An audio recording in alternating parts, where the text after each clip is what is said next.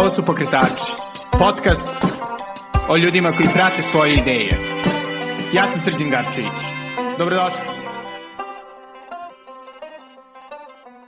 U ovoj jubilarnoj 200. epizodi Pokretača gost je profesor Zoran Milutinović. On je profesor južnoslovenske književnosti i moderne književne teorije na UCL-u, kao i autor sjajne knjige Prebolevanje Evrope, konstrukcija Evrope u srpskoj kulturi. Pričali smo o našem odnosu prema Evropi, o Andriću, i konačno razvoj jugoslovenskih kultura zajedno ili odvojeno. Naravno, ukoliko želite, možete podržati pokretače preko Paypala na adresi paypal.me kosacrta sagarcevic ili preko Patreon na adresi patreon.com kosacrta belgrade. Nadam se da ćete uživati i ovo je profesor Zoran Milutinović. Možda najmoj da krenemo od vaše sjajne knjige Prebolevanje Evrope koje je vrlo skoro objavljena od strane geopoetike iako je zapravo knjiga iz 2011. Ove, možda ukoliko biste hteli, eto, slušalcima da, da kažete koliko biste možda revidirali nešto vezano za prebolevanje Evrope, iako se naravno bavi jeli, istorijom, našom, da kažem, intelektualnom istorijom pre drugog svjetskog rata, možda ovaj, u svetu jeli, velikih promena što se tiče samog odnosa prema Evropi, ali Brexita 2016. odnosa prema Evropi u Srbiji i naravno konačno što možda globalnog odnosa prema Evropi u evo, sada vrlo aktuelnom dekolonizatorskom diskursu i tome kako se eto, mi tu nekako ovaj, nalazimo. Verovatno bih da, da, da imam vremena i da imam prilike verovatno bih napisao novu knjigu u stvari. Mhm. A, zato što sam ja tu knjigu završio, rukopis sam završio septembra 2009 to je evo skoro pre 15 godina. Knjiga je objavljena u januaru 2011. A, ali to je dosta vremena i dosta se stvari uh, u, umeđu vremenu desi. Pre svega desi se, uh, to je dinamično polje. Imagologija se razvija velikom brzinom, valjda od svih oblasti komparativne književnosti imagologija je bila najdinamičnija u poslednjih 20 godina. I tu se pojavljivala i nova literatura koju bi ja svakako morao da uzmem u obzir kad bih tu knjigu krenuo da pišem ponovo. A, ako ne, ako bi samo imao priliku da nešto ispravim u knjizi, a, to bi bila jedna jedina rečenica. Znate, to je knjiga iz kulturne istorije. Ta kulturna istorija je takva kakva jeste i ja je i dalje vidim onako kao što sam je video kad sam završavao rukopis 2009. godine. U tom smislu nijednu od svojih interpreta od mojih interpretacija tamo ja ne bih imao potrebe da menjam. Ali bih izmenio jednu rečenicu koja mi je a, zapala za oko kad sam knjigu prevodio prošlog leta, a to je a, rečenica da će nesumnjivo sve zemlje Zapadnog Balkana pre ili kasnije biti deo Evropske unije. To je meni tako izgledalo u leto 2009. godine.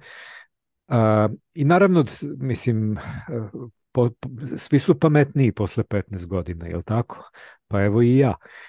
Imao sam ja razloga i onda, bilo je onda dobrih razloga da se ta rečenica izostavi, ali ja to još uvek nisam shvatao onda.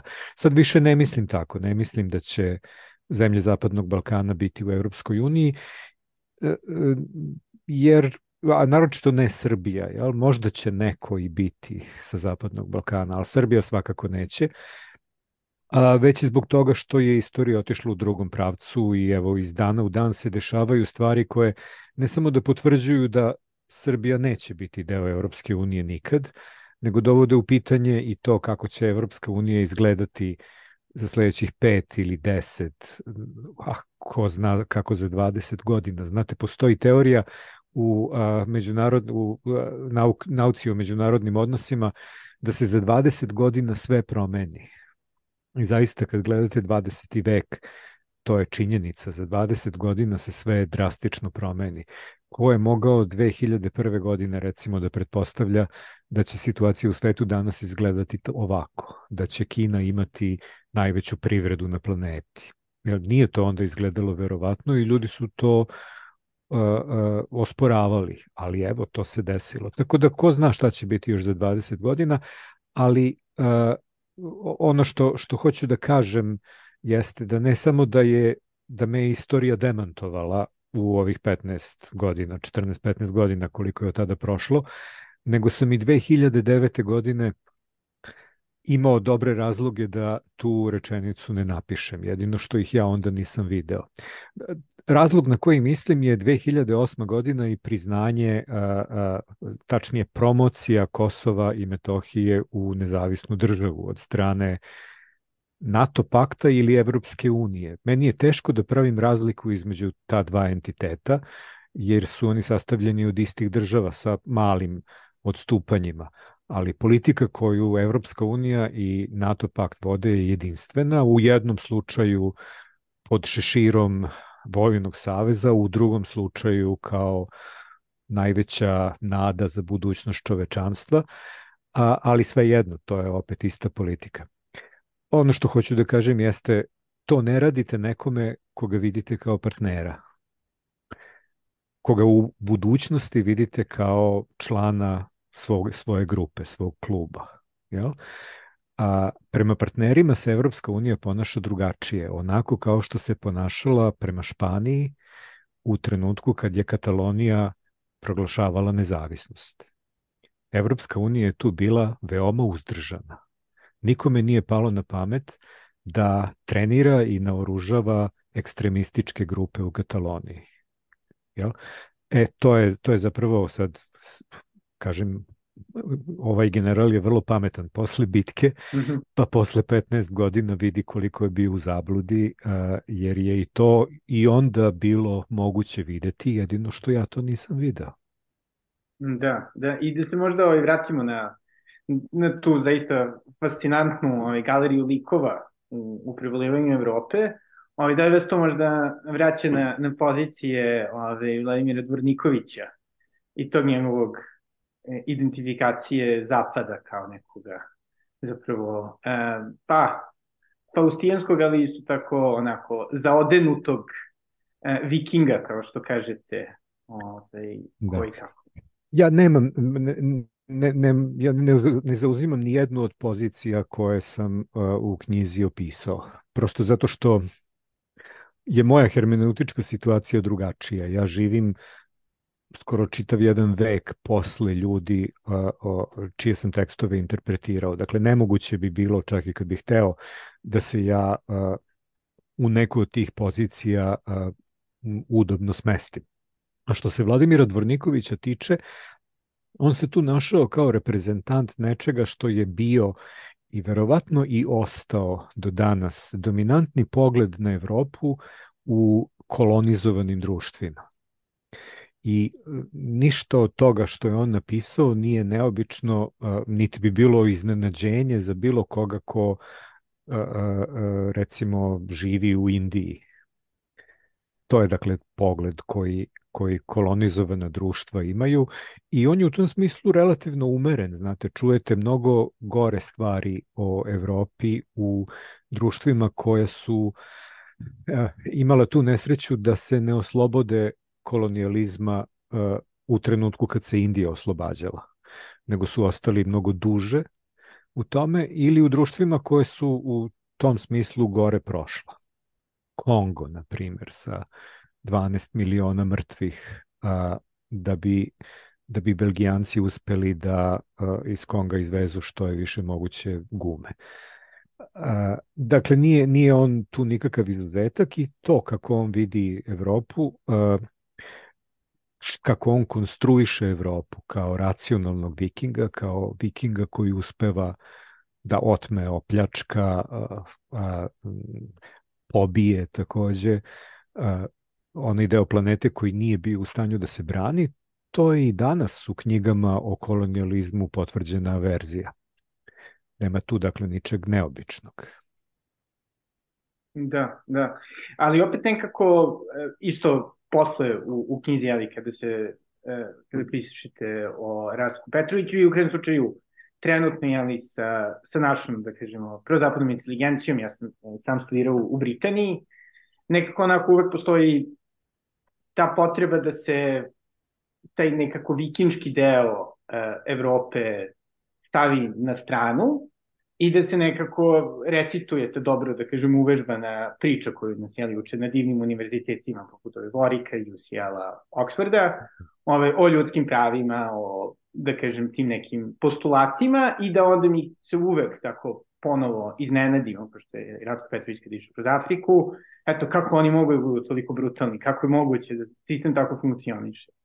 Da, pa e, moja knjiga je upravo o tome. Ja tvrdim da Evropa ne postoji sama po sebi prirodno, nego postoji samo u diskursu u kojem je konstruišete.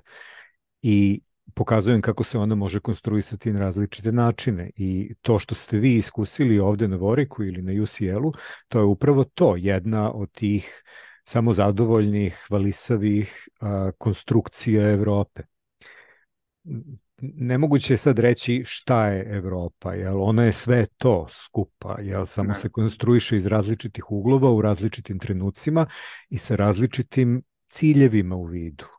I ta samozadovoljna konstrukcija Evrope a, ko, koja je karakteristična za Meni se čini danas manje nego, nego u ranija vremena, krajem 80-ih i naročito tokom 90-ih kad je ta vrsta konstrukcije Evrope koju su propagirali a, pre svega evropski političari, a onda taj ideološki aparat Evropske unije koji je ja sam odrastao u socijalizmu, ja se još uvek sećam kako su stvari izgledale 80-ih i, i kasnih 70-ih godina, gde, gde je ideološki aparat u vidu čitavog niza instituta za samoupravljanje, radnička prava i tako dalje proizvodio naj grublju ideologiju koja sa stvarnošću nije imala baš mnogo veze. Ali to je u prirodi ideoloških aparata, oni tako funkcionišu. Tako je zapravo uh, i, i uh, krajem 80-ih i početkom 90-ih Evropska unija proizvodila tu jednu vrstu zagušljive atmosfere u kojoj se nije moglo ni reći ni čuti ništa što bi tu vrstu ideologije moglo da potkopa. Čak i oni čak i ljudi sa najvećim uticajem, a, sa a, velikom akademskom, intelektualnom reputacijom, čak su i oni bili a, uzdržani u kritikovanju te vrste ideologije. Jedan od najpoznatijih, verovatno najpoznatiji britanski, a verovatno i jedan od najpoznatijih svetskih sociologa se usudio samo da kaže evropska hipokrizija neprijatno raširena. To je bila jedna fraza u njegovom tekstu i zbog toga se na njega sručilo drvlje i kamenje. Dakle, takve stvari se ne mogu reći. Ali kad s ljudima razgovarate, oni to prepoznaju i priznaju. U četiri oka, tamo gde ih niko ne čuje i gde niko neće moći da ih citira, oni svi priznaju da je to jedna vrsta ideologije iste onakve kakva iste onakve to, e, sad sam preterao, slične, da. slične svakoj drugoj ideologiji. Postoji američka ideologija, a, a, beli, beli zamak na brdu i postojala i sovjetska ideologija, danas postoji ruska, a isto tako postoji ideologija Evropske unije. Da, a interesuje me nekako, ovaj, pogotovo sada je sa ovim promenama u odnosu e, ne samo, da kažem, realnog stanja među, da kažem, velikim silama, nego i, i uopšte njihov utjecaj na diskurs, jel da ipak možemo nekako preko Twittera, ne znam, podcastova, čega god, ovo ipak više da komuniciramo, diskutujemo. I donekle se dosta više priče i o toj hipokriziji, jel, sada, ili tako, pogotovo vezano za Gazu i Izrael, um, ali, ali nekako čini mi se da konkretno u Srbiji nam je vrlo teško da nekako sročimo neku sobstvenu ideologiju, dobro, to je bio taj neki, ajde, tokom e, perioda koji opisujete između dva rata, neki pokušaj neke stvaranje autentičnosti, ne znam, bilo kod Micića i Zenitista, to neko kao slavljenja vervarstva, ali, ali da kažem u nekom ograničenijem metodu, da čak i neka vrsta naše kritike Evrope je često pozajnjena, ne znam, od Jest. Ove, ovaj, iz Evrope. Jeste. Ja, ja to tvrdim u knjizi takođe. Ja kažem i tamo gde Evropu a, a, uzdižu i slave i konstruišu na onaj način na koji Evropa konstruiše samu sebe u svom slavljeničkom, laskavom i hip, licemernom diskursu i tamo gde Evropu suočavaju sa onim što Evropa ne želi da vidi u sebi, a, ti srpski intelektualci su zapravo bili delovi širih evropskih diskursa u kojima ćete naći i jedno i drugo. Nije dakle ovaj a, a, a, licemerni diskurs Evropske unije i takozvanih evropskih vrednosti jedini diskurs koji ćete u Evropi čuti, čuti čućete i druge. I u tom smislu jesu Srbi bili delovi tih evropskih diskursa, ali moje, moje pitanje, istekao sam utisak da vi mislite da bi bilo dobro kad bi Srbi mogli da konstruišu neki vlastiti diskurs u Evropi. Ja nisam... Da, bilo bi zanimljivo, eto, čisto kao neka, da kažem, da. intelektualna ovaj, eksperiment. Ja nisam siguran da, da će se to desiti i uh, nisam ni siguran da bi to bilo uh, neophodno.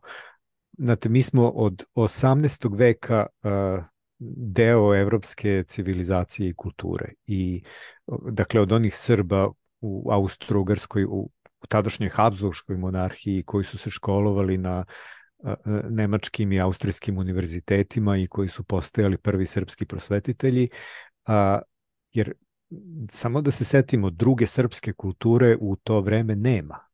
Jel, u, Evro, u, u na Balkanu ispod onome što je današnja centralna Srbija, tu pre svega nema pismenih ljudi, nema buržoazije, obrazovane buržoazije, nema plemstva, nema građanstva, tu postoji da, dakle ono malo sveštenika što ima to je uglavnom nepismeno.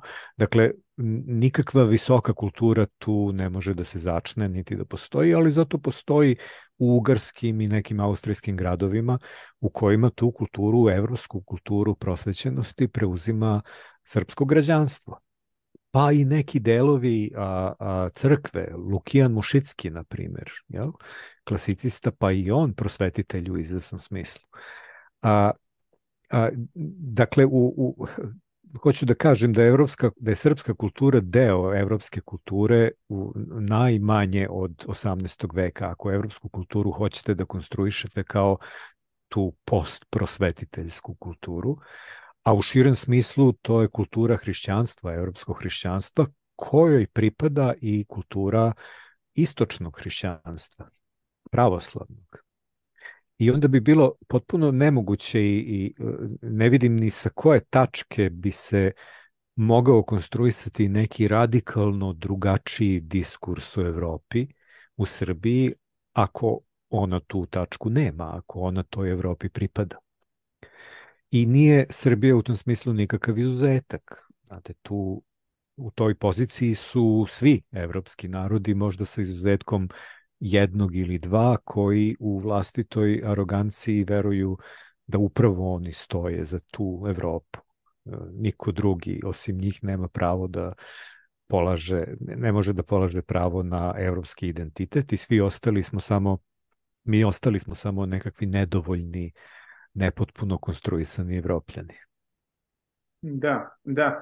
E, a opet čini mi se da nekako da ste da li je to sekvencijalno ili, ili nekako strujete evolutivno ovaj, opišete ovaj, e, taj neki razvoj odnosa prema Evropi, na kraju imate jel tako, Ivo Andrića koji zapravo prihvata tu situaciju neko kakofoničnosti Evrope i nekako jeli, to bosansko usno rečeno iskustvo predstavlja kao jednako validno sa, da kažem, ovaj, kolonijalnim pogledom na njega i uopšte različitim perspektivama u njegovim romanima. Mislim da je to neka vrsta, ono, najvi, taj neki pluralizam i nešto najviše čemu možemo da se nadamo.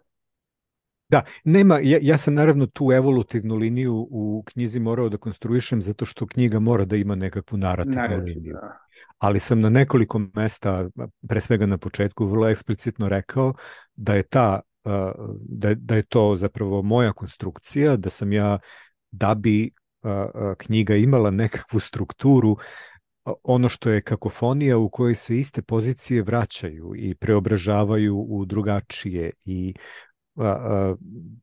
dakle ono što je zapravo zvuk jednog orkestra koji nije imao mnogo prilike da vežba a, da.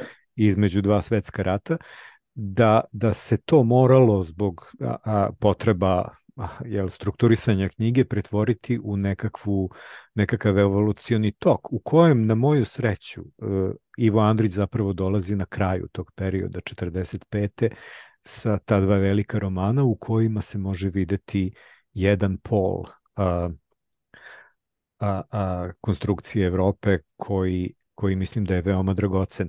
Ali ako hoćete, sad pogledajte šta se dešavalo od recimo kasnih 80-ih do danas.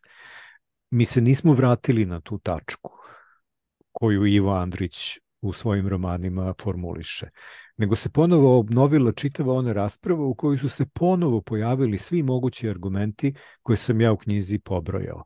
I to će tako i ostati. To nije nekakav proces učenja u kojem mi ispitujemo različite argumente i na kraju se usaglasimo oko jednog kao oko najboljeg, nego je to prirodno stanje u kojoj će uvek postojati ljudi koji tvrde ono što tvrdi Vladimir Vujić ili ono što tvrdi Nikolaj Velimirović i možda i neki ljudi koji će tvrditi ono što govori Ivo Andrić ili Crnjanski i Vinaver. Jer ja vidim i Crnjanskog i Vinavera kao ljude koji su istu tu poziciju oblikovali. Crnjanski u stvari prvi jel, u svom putopisu iz Toskane koji je e, dugo godina čekao na objavljivanje. On je tu misao imao još ranih 20. godina. A Vinaver, e, strašno je, Vinaver je prosto bio takav duh, e, nesistematičan, razbarušen, prepametan, ali bez jednog jedinog teksta u kojem vi možete jasno videti njegovu poziciju, nego se ono vidi u različitim fragmentima, e, u, na brzinu formulisanim, izbačenim kao nekakve dosetke, ali je pozicija iza toga jasna. Dakle, eto, vidite, imate tu poziciju koja izgleda kao rezultat nekakve evolucije u, u po periodu od četvrt veka, a imate je formulisanu na samom početku tog perioda, onda kad Crnjanski završava svoj putopis iz Toskane. Da, da i, i sad ove, da se možda vratimo na, na Andrića, čisto, mislim da je isto zanimljivo što je li, njegovo delo u proteklih, pa, pa u suštini od 80-ih, mada vi tvrdite čak i ranije, ovaj, čak 60. godina nekako biva korišćeno kao eto dokaz određene suprematističke ideologije, jeli, Andrićevstva i nešto što je problematizovano često u svetlu ovaj, trenutnog i čini mi se u proteklih možda 10 godina sve jačeg neke revizije uloge e, otomanske, to jest osmanske i austro-ugarske imperije kao ipak nekih progresivnih snaga koje su eto, imale neku sobstvenu, da kažem, civilizujuću, diversifikujuću misiju ovaj, u Evropi. I ovaj, što nekako zalaganje za tu nek njegovu poziciju te e, da kažem, e, različitosti u okviru Evrope i naše, da kažem, osobenog pogleda na to čini, jeli, težom, pošto je, jeli, samo po sebi problematična u ovom, da kažem, modernom internet smislu kao loša, da ne kažemo čak i genocidna. Da, imate, e, tu se meša nekoliko različitih stvari. Jedna od njih je e, nostalgija za imperijama koja se ponekad, ponegde pojavljivala a, od recimo 90. godina do danas. O tome se dosta pisalo, ima o tome dosta literature. I tu, tu se onda pojavljuju nostalgičari za austro-ugarskim carstvom, za, Habsburgskom monarhijom. I, I to možete videti kod ovog nesrećnik, nesrećnog Andrićevog biografa, novinara Martensa, koji je a, neopremljen za naučni rad krenuo da objavljuje naučne knjige, a i tu je to nesumnjivo. Tu uopšte nema nikakve dileme da on sad tu spočitava a, raznim ljudima različite stvari, a, sve vreme slaveći Austro-Ugarsku i monarhiju kao krajnje civilizacijsko dostignuće. A čovjek ne zna u stvari, ne zna o čemu govori. A drugačija je stvar sa ovim um, ogovaračima Ive Andrića u Bosni, jer oni ne samo što oni ne pripadaju izvorno tom a, a, a, toj struji evropske nostalgije za evropskim a, a, imperijama Jer to, toga ima u Velikoj Britaniji. Vi kažete da ste ovde studirali, sigurno ste primetili. Ferguson, na primer, ima čitavu jednu knjigu u kojoj se britanski kolonijalizam i imperializam predstavlja u najboljem mogućem svetlu. On je samo dobro činio čovečanstvu. On je dobro želeo i gde god je otišao britanski kolonijalizam je samo dobro sejao. Železnice, obrazovanje. Jeste, pa da, pa sad onda, onda pitajte uh, Induse šta o tome misle ili Pakistance, oni će vam reći nešto sasvim drugo. A, ali, ali ovde u, u, u Bosni je stvar malo komplikovanija zato što nije to deo istog talasa, nego je to reperkusija uh, bošnjačkog nacionalizma i islamizma.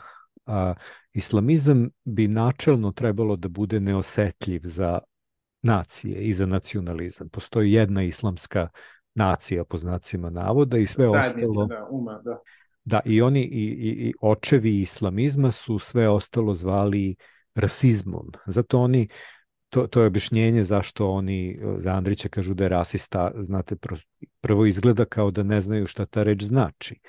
A onda kad vidite odakle im ona dolazi, onda shvatite o čemu je reč. To su očevi islamizma a, a, izmislili da bi, da bi na taj način a, diskreditovali arapski nacionalizam jel, u Iraku, u Siriji, tamo gde su se pojavljivali a, modernizujući a, sekularni nacionalistički režimi. A njima je naravno islamizam a, čista opozicija. Islamizam sanja uh, ujedinjenu islamsku umu od Indonezije do Zapadne Afrike i od Centralne Azije do podsaharske Afrike. Uh, i nikakve se tu, nikakve se tu nacija, kamoli nacionalne države ne smeju oblikovati. Kod bošnjačkih islamista to je uh, posledica nostalgije za Osmanskim carstvom koje je bilo islamsko carstvo, zasnovano na islamu. I to imate i kod Ali Izbegovića u njegovoj islamskoj deklaraciji. I inače svuda e, gde oni progovore e, e, sa tih pozicija, svuda se Osmansko carstvo slavi kao najbolja moguća državna tvorevina, kao nekakva zajednica naroda u kojoj su svi ravnopravni, u kojoj se o svačijim interesima vodi računa i gde tolerancija caruje i glada. liberalno. Jeste, sve to otprilike onako kao što je Evropska unija sebe zamišljala krajem 90. godina. E tako oni sad pre predstavljaju a, a, Osmansko carstvo. Ali je to zapravo carstvo u kojoj vlada ono što danas možemo zvati apartheidom, koji postoji jedna a, klasa a, a, građana, dakle onih koji su islamske veroispovesti i klasa negrađana koji su politički, socijalno i ekonomski obespravljeni i ugnjeteni, a to su svi ostali koji nisu muslimani. I iz toga onda možete videti zašto se oslamsko, islamsko, uh, osmansko carstvo u bošnjačkom nacionalizmu slavi do te mere. A Andrić se tu ne pojavljuje samo kao nekakav lokalni protivnik tog uzvišenog ideala, nego kod uh, uh, Rusmira Mahmućehajića u njegovoj knjizi Islamizam, Andrić i, kako on kaže, Andrićevstvo postaje šifra za nešto mnogo šire i mnogo ozbiljnije, a to je vekovni evropski hrišćanski pokušaj da islam uništi, da sve muslimane pobije, E, to je onda Ali jedna fašistička... u Bosni, pretpostavljam, ili šire? Ne, on, on, on, da. naravno, on naravno to u Bosni na, na svom terenu egzemplifikuje, ali on nesumnjivo tvrdi kroz čitavu knjigu, e to je takođe islamistička tvorevina, to dolazi od očeva islamizma, od Kudba, for instance, na, na primer, da a, a, je to a, zapravo vekovna težnja hrišćanskih društava, da sve muslimane pobiju proteraju, unište, zato što ne mogu da dozvole mogućnost da neko veruje u nešto što nije hrišćanstvo. E, to je onda islamizam, ta jedna fašistička genocidna ideologija i uh, on se zove Andrićevstvo zato što uh, uh, je Andrić po Mahmućehajićevom mišljenju toj fašističkoj ideologiji, toj genocidnoj ideologiji dao najbolji mogući izraz. Eto tako, to, tako ta konstrukcija izgleda, nažalost. Da, da, ali ovaj, dobro, doduše, naravno, kroz istoriju Evrope, jeli, sama razmena uh, u krenom slučaju stanovništva s početka 20. veka na osnovu vere, jeli, Turske, Grčke, bilo je slično predlagano. Ove, Jugoslaviji donekle, pretpostavljam da to i podržava da su bile neke ideje da stvori neki, da kažem, kulturni, homogena kulturna, religijska ovaj, zajednica. Ali nekako, ali baš me interesuje, zašto je Andrić toliki, šta vi mislite, zbog čega je on toliki, da kažemo, ovaj, što bi se rekao, fokus bivše da je li moguće naći dosta drugih, da kažem, potentnijih šovinističkih dokaza, ne, ne da, da, a, pa zato što je Andrić klasik, a, zato što se Andrić prepoznaje u svetu, zato što se njegove knjige čitaju i zato što se u njiho, njegovim knjigama nalazi a, jedna reprezentacija a, a, balkanske ili ako hoćete bosanske istorije koja ne podržava tu islamističku a, sliku, koja to pokazuje u malo drugačijem svetlu. Oni nikad, oni kažu a, Andrić falsifikuje istoriju, ali nikad niko nije napisao gde on to falsifikuje istoriju, koji to istorijski podatak on falsifikuje.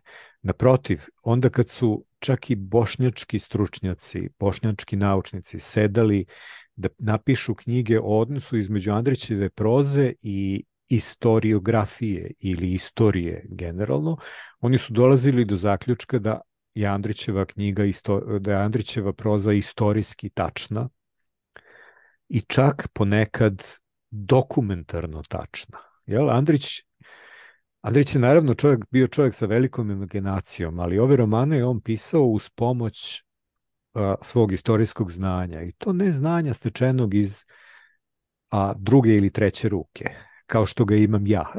dakle, ja hm. čitam istorijske knjige, čitam isto, istoriografiju, ali ja nisam istoričar, ja ne idem u arhive i ja ne čitam originalne dokumente. Andrić je bio istoričar po obrazovanju i on je čitao originalne dokumente. Dok i na svu sreću bio je u prilici da to radi jer je službovao u gradovima u kojima ti arhivi postoje. Službovao je u Parizu gde je onda svoje slobodno vreme provodio u arhivu i čitao šta su Francuzi početkom 19. veka pisali i mislili o Bosni. I odatle je preuzimao, preoblikovao, jel? ali preuzimao čitave segmente a, istorije. Na primjer, ona čuvena slika koja bošnjačke nacionaliste toliko nervira, a to je slika ulaska bo, francuskog konzula u Travnik, gde se onda, kaže on, pojavljaju a, iza polu zatvorenih prozora a, a, muslimanske žene koje šapuću kletve i pljuckaju. A, to, to njih strašno vređa. Oni kažu da je to nemoguće, da se to nikad ne bi moglo dogoditi, a i ako se dogodilo, to je u stvari bilo opravdano, to je bio patriotizam. E sad imate to, nisam pozajmio čajnik, a, a, a u stvari kad sam ga pozajmio već je imao rupu. Nisam ja ništa tu kriv. A, međutim, a, jedan bošnjački naučnik je još 62. godine napisao knjigu u kojoj se u kojoj je upoređivao ono što se našlo u francuskim arhivima, što je Andrić mogao imati pred sobom i to što se nalazi u romanima i prosto rekao ovu scenu Andrić preuzima kompletno iz dnevnika a, a, a, a, bošnjačkog, pa, pa, pardon, francuskog konzula u Travniku. Tako francuski, istorijski francuski konzul opisuje svoj ulazak u Travnik. I to je zanimljiva scena i naravno Andrić je uključuje u svoju fikciju. Dakle, ništa on tu nije falsifikovao, ne mogu oni naći nikakav falsifikat, ali je činjenica da ta istorija a, nije mnogo laskava za Osmansko carstvo i da ona a, a, prosto podkopava tu ideološku konstrukciju Osmanskom carstvu kao tolerantnom, kao a, a, carstvu koje misli samo o, o dobitku, o boljitku onih nad kojima vlada, da te isto to što rade britanski istoričari, ovaj Ferguson, na primer, isto to rade i u manjoj meri i malo kako da kažem, da ih ne uvredim, na malo nižem nivou, intelektualnom, to rade bošnjački nacionalisti. Oni slave svoju imperiju koju doživljavaju kao svoju, koju zovu naša država i potpuno je naravno a, a, onda a, zaočekivati da će se jedna takva slika kakva se vidi u Nadriniću pri ili u Travničkoj hronici e, njima manje dopadati i da će onda pokušavati da tog autora diskredituju. A zašto Andrića, a ne nekog drugog? Pa zato što je Andrić uh, u celom svetu poznat, zato što se njegove knjige prevode, čitaju, stalno objavljuju, zato što on ima nekakvog uticaja, a ovi drugi, kod kojih bi se zaista moglo naći, nisu Srbi operisani od nacionalizma. Naročito ne, naročito ne bosanski Srbi. I uh, u, u njihovim se knjigama često mogu naći stvari koje jesu nacionalističke, nema tu nikakve dileme, pa i šovinističke. A, ali oni nisu izabrani za a, a, cilj te kampanje koja traje više od pola veka, jer prosto za njih niko nije čuo. Da, da.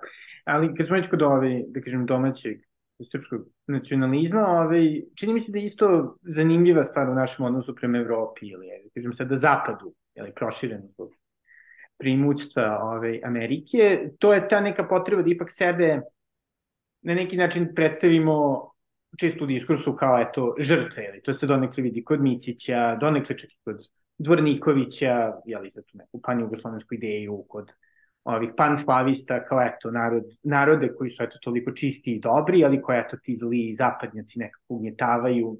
Opet ta neka potreba da se predstavimo kao isključivo objekat istorije, a ne kao subjekat, što se isto jeli može videti kod bošnjačkih nacionalista. Šta mislite koliko je bitno nekako to prevazići da bi se uopšte stvorila, da kažem, neka realna slika o sebi i neka kultura Pa svaki nacionalizam sebe predstavlja kao nevinu žrtvu tuđeg zla. Nema tu nikakve, nije srpski nacionalizam u tom smislu nikakav izuzetak. Nikako, da, da, da. A, i, I to bi, s tim bi trebalo računati, to će uvek tako biti. A sad, da li postoji u Srbiji e, objektivna slika srpske istorije, e, to je potpuno drugo pitanje i znate, na to se ne može olako odgovoriti. Ne možete prosto reći ne ili da, jer onda morate uzeti u obzir uh, sve ono što su srpski autori napisali o srpskoj istoriji. Znate, najveća kritika a, a, a, srpske istorije i a, srpske, srpskih različitih politika oblikovana je od strane upravo srpskih autora ovo što ja mogu da čitam na engleskom i na nemačkom jeziku, to je uh, najčešće samo prepričavanje onoga što se kod tih kritičnih srpskih historiografa može pročitati. Pa sad s nekim malim dodavanjima, znate, ako je autor nemački šovinista, on će tu još malo da zabiberi sa malo šovinizma na račun Srba.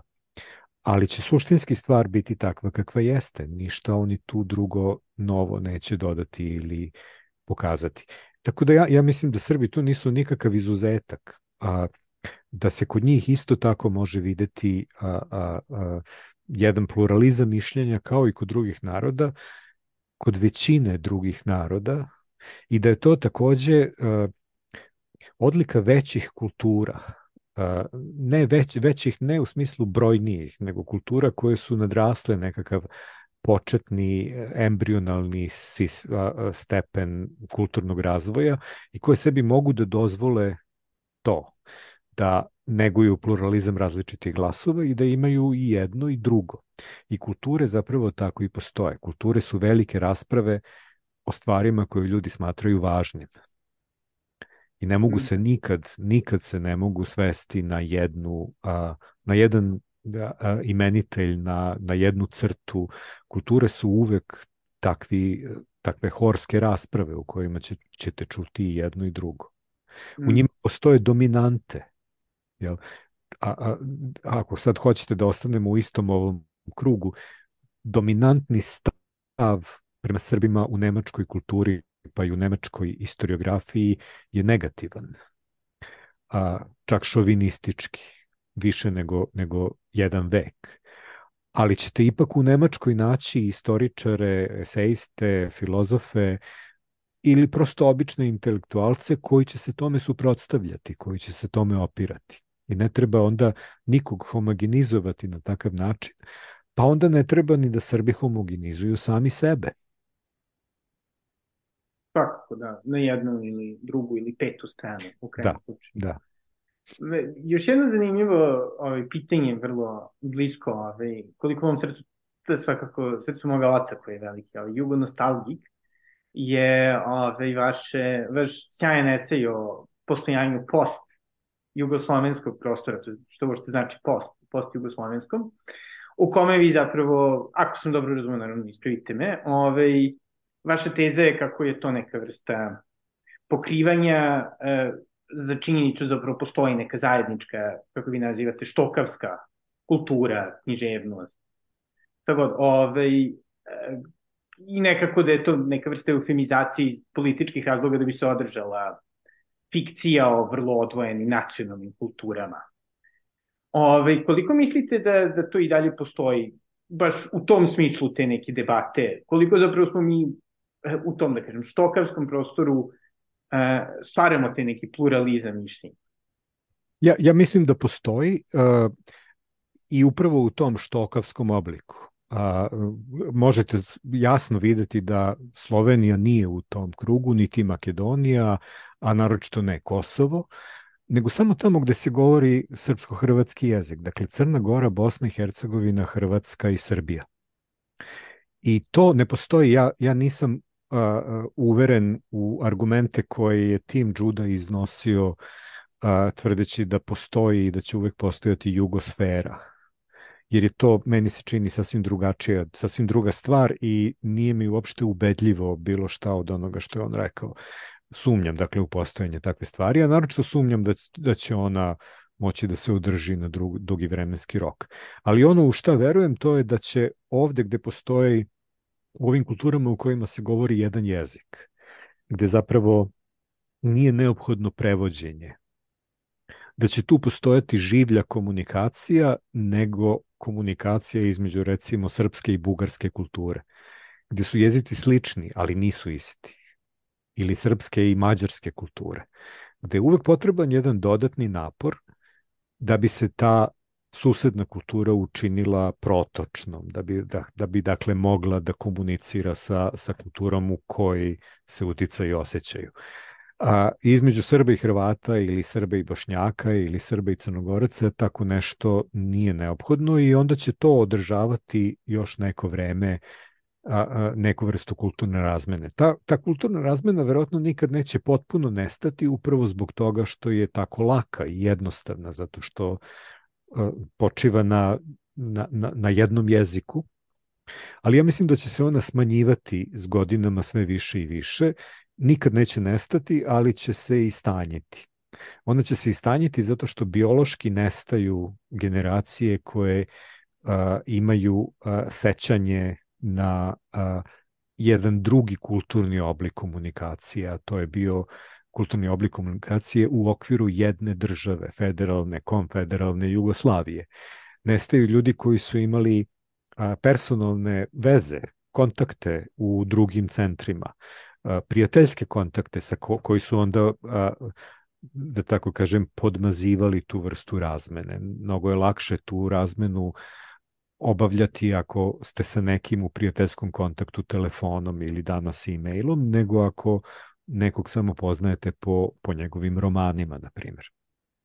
Ali neće, neće nikad u potpunosti nestati, nego će se održavati na nekakvom nivou koji je vrlo daleko od a, onoga što smo imali u a, Jugoslaviji, što i normalno ne treba ni očekivati da to može da se nastavi, a, koji je takođe daleko od onoga što je Tim Juda projektovao kao ideju Jugosfere. Ja mislim da je to previše ambiciozno i da nema argumenta koji dokazuju da tako nešto postoji ili da će u budućnosti nastati, ali će ipak biti više od onoga što a, bi a, Hrvati mogli imati sa Austrijancima ili Italijanima ili Srbi sa Mađarima i Grcima. Da.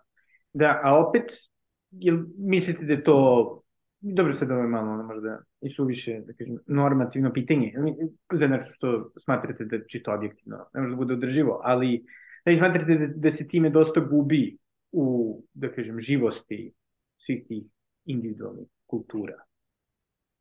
Kako ko, znate, neko će gubiti više, a neko će gubiti manje. A, nema nikakve sumnje da ta vrsta, da stvaranje jedne, jednog šire kulturnog konteksta malim kulturama pomaže.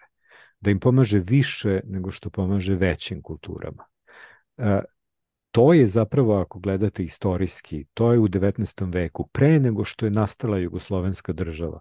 Možda i pre nego što je nastala ideja jugoslovenske države, to je teralo ljude iz Zagreba i Beograda, jer u to vreme Sarajevo naravno ne postoji kao kulturni centar. Ljude iz Sarajeva i, i pardon, iz Zagreba i Beograda, to ih je prisiljavalo na kulturnu razmenu. Zajedno smo jači, u odnosu na one koji su od nas jači, čak i kad smo zajedno. I to je bio to je bio nekakav njihov zajednički otpor onome što je nemačka, tačnije austrijska kultura uh, Habsburgske monarhije za njih bila opresivna kultura koja sprečava njihov kulturni razvoj. Sprečava ga na različite načine. Sprečava ga, na primjer, na taj način što vam ne dozvoljava da imate škole na svom jeziku, što je bio slučaj sa Hrvatima. A, da ne idem dalje u tu istorijsku rekonstrukciju, ću zaboraviti šta ste me u stvari pitali. Ali nema sumnje da su oni na taj način nalazili, a, a, stvarali jedan kontekst u kojem je svaka od tih malih kultura izgledala snažnije. I to je zapravo ideja jugoslavizma. Jugoslavizam je i kulturni i politički. I ovaj politički je potpuno jasan, ali ovaj kulturni jugoslavizam je bio senka ovog uverenja da svi zajedno na, na, na, na jednom terenu možemo biti jači nego što je svako od nas posebno. E sad, naravno, to je izgubljeno i to se nikad neće obnoviti, jer je to bilo moguće samo u zajedničkoj državi, kakva je bila Jugoslovenska. Znate, u toj zajedničkoj državi a, je Narodna knjiga, izdavačka kuća iz Beograda, a, Pazite, to je socijalizam, to je državna izdavačka kuća. To se ne radi iz tržišnih razloga, nego iz političkih razloga. Ona je objavljivala čitave serije knjiga prevoda sa slovenačkog i makedonskog i sa albanskog. Jer su to delovi jugoslovenske kulture i bilo je važno da ljudi u Beogradu mogu da čitaju te autore.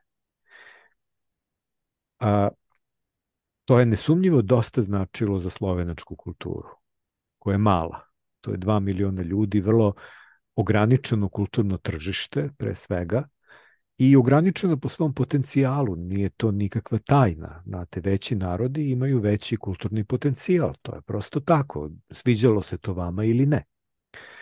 A, u vreme kad sam, a, dakle ja sam 90. godine, a, 89. i 90. čini mi se, bio na univerzitetu u Ljubljani jednu akademsku godinu.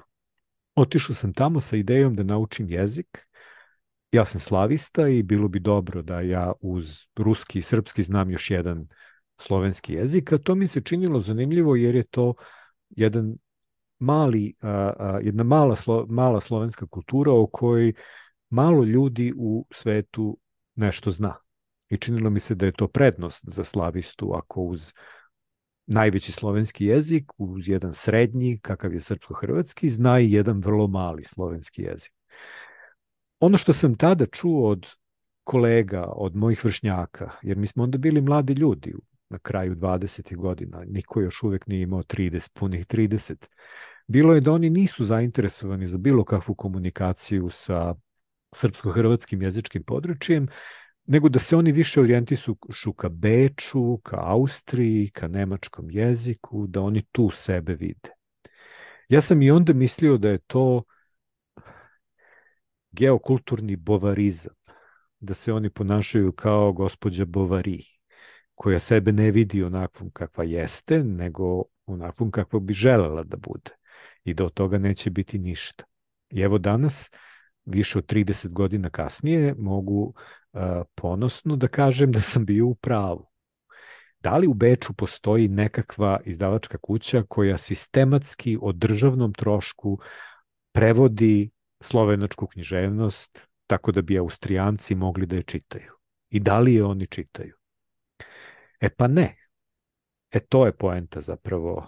To je bila poenta kulturnog jugoslavizma, gde su a, a, Jugosloveni jedne druge kulturno podsticali, jedni drugima bili širi kontekst, u stvarima kulture kao i u stvarima politike.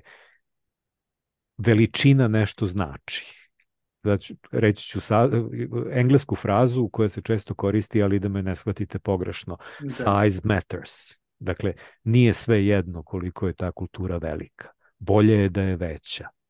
I ako već ima samo 2 miliona stanovnika, ako se nađe uklopljena u jednu kulturu koja je bila, koja je jugoslovenska, koja ima 22 miliona stanovnika, to može da bude samo prednost. E sad, naravno, drugi deo mog odgovora je bio neće tu svi biti na, isti, na gubitku na isti način. Naravno da će tu najviše na gubitku biti najmanji, a to je crnogorska kultura koja Crna Gora ima, koliko ja znam, 600.000 stanovnika. Od toga 200.000 stanovnika sebe smatra Srbima i delovima srpske kulture. Ovaj ostatak, ne znam koliko tu otpada na Bošnjake i Albance, ali u svakom slučaju postoji nekakvo jezgro, nekoliko stotina hiljada ljudi koji sebe smatraju crnogorcima. To je onda vrlo, vrlo, vrlo mala kultura. I toj kulturi će nedostajati sve ono što je u široj jugoslovenskoj kulturnoj zajednici mogla imati. Naravno da će to do izvesne mere oštetiti, oštetiti i ove veće, a na, najveća među njima je srpska kultura bila, prosto zato što su Srbi najbrojniji. A, ali će ta šteta biti manja a, nego što je šteta za a, crnogorsku ili za bošnjačku kulturu. I to je upravo ono što će različite autore ili stvaraoce ili umetnike iz tih malih kultura terati da izlaze iz svojih uskih nacionalnih okvira i da a, a, da traže nekakav širi kontekst oni kažu šire tržište, što takođe nije zanemarljivo. Znate, ako ste autor romana, nije vam sve jedno da li se vaša knjiga proda u 100, u 100 primeraka ili u 5000 primeraka. To je ogromna razlika. A ako imate samo 200.000 potencijalnih čitalaca u Crnoj Gori, tu teško da ćete moći da nađete baš 5000 kupaca. I to je ono što ih danas tera da prelaze te republičke granice. Da li će to do, doprineti nekoj vrsti političke relaksacije, tu, što rekao Dobriša, Dobrica Ćosić, strepnja mi je dublja nego nada. Nisam da. siguran da stvari baš tako funkcionišu, jer evo imamo primere iz iste te a, a, a, a, jugoslovenske kulturne istorije. Ranko Marinković je bio hrvatski nacionalista, ali je svoju najbolju knjigu, a, Roman Kiklop, objavio u Beogradu na Ćirilici. To je prvo izdanje te knjige. Momo Kapor je sve svoje knjige do 1991. godine objavio u Zagrebu. Njegov izdavač je bio Znanje. Jel? Dakle, ništa to ni jednom ni drugom nije smetalo da ostanu nacionalisti i onog trenutka kad se ta državna zajednica raspala, odnosno onog trenutka kad više nije bilo zazorno biti nacionalista, nego je naprotiv bilo preporučljivo biti nacionalista, oni su to svoje a, a, opredeljenje iskazali bez ikakve zadrške.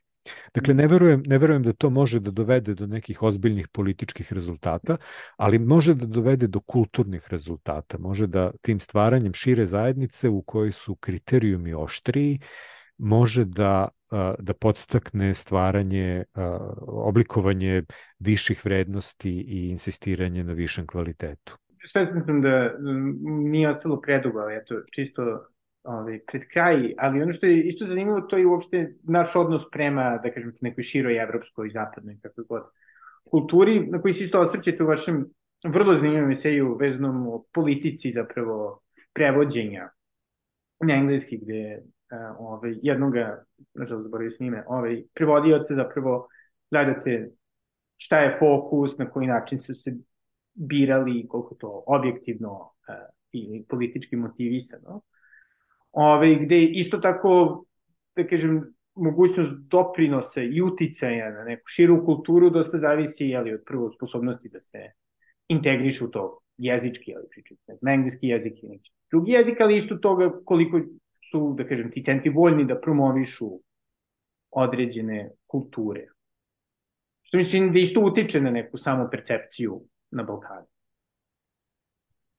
Da, ali nisam sasvim siguran šta me pitate, jel možete da mi... Da, da, da, da, da. pa ne konkretno, ovaj, kako vidite, da kažem, tu našu mogućnost participacije u tim nekim širim evropskim e, da kažem, tokovima i kulturnim diskusijama. Pošto onako, plašim se da, da, da eto, to je možda moje ovaj, hiper samokritično ovaj, gledanje da, da sa eventualnim izuzetkom ne.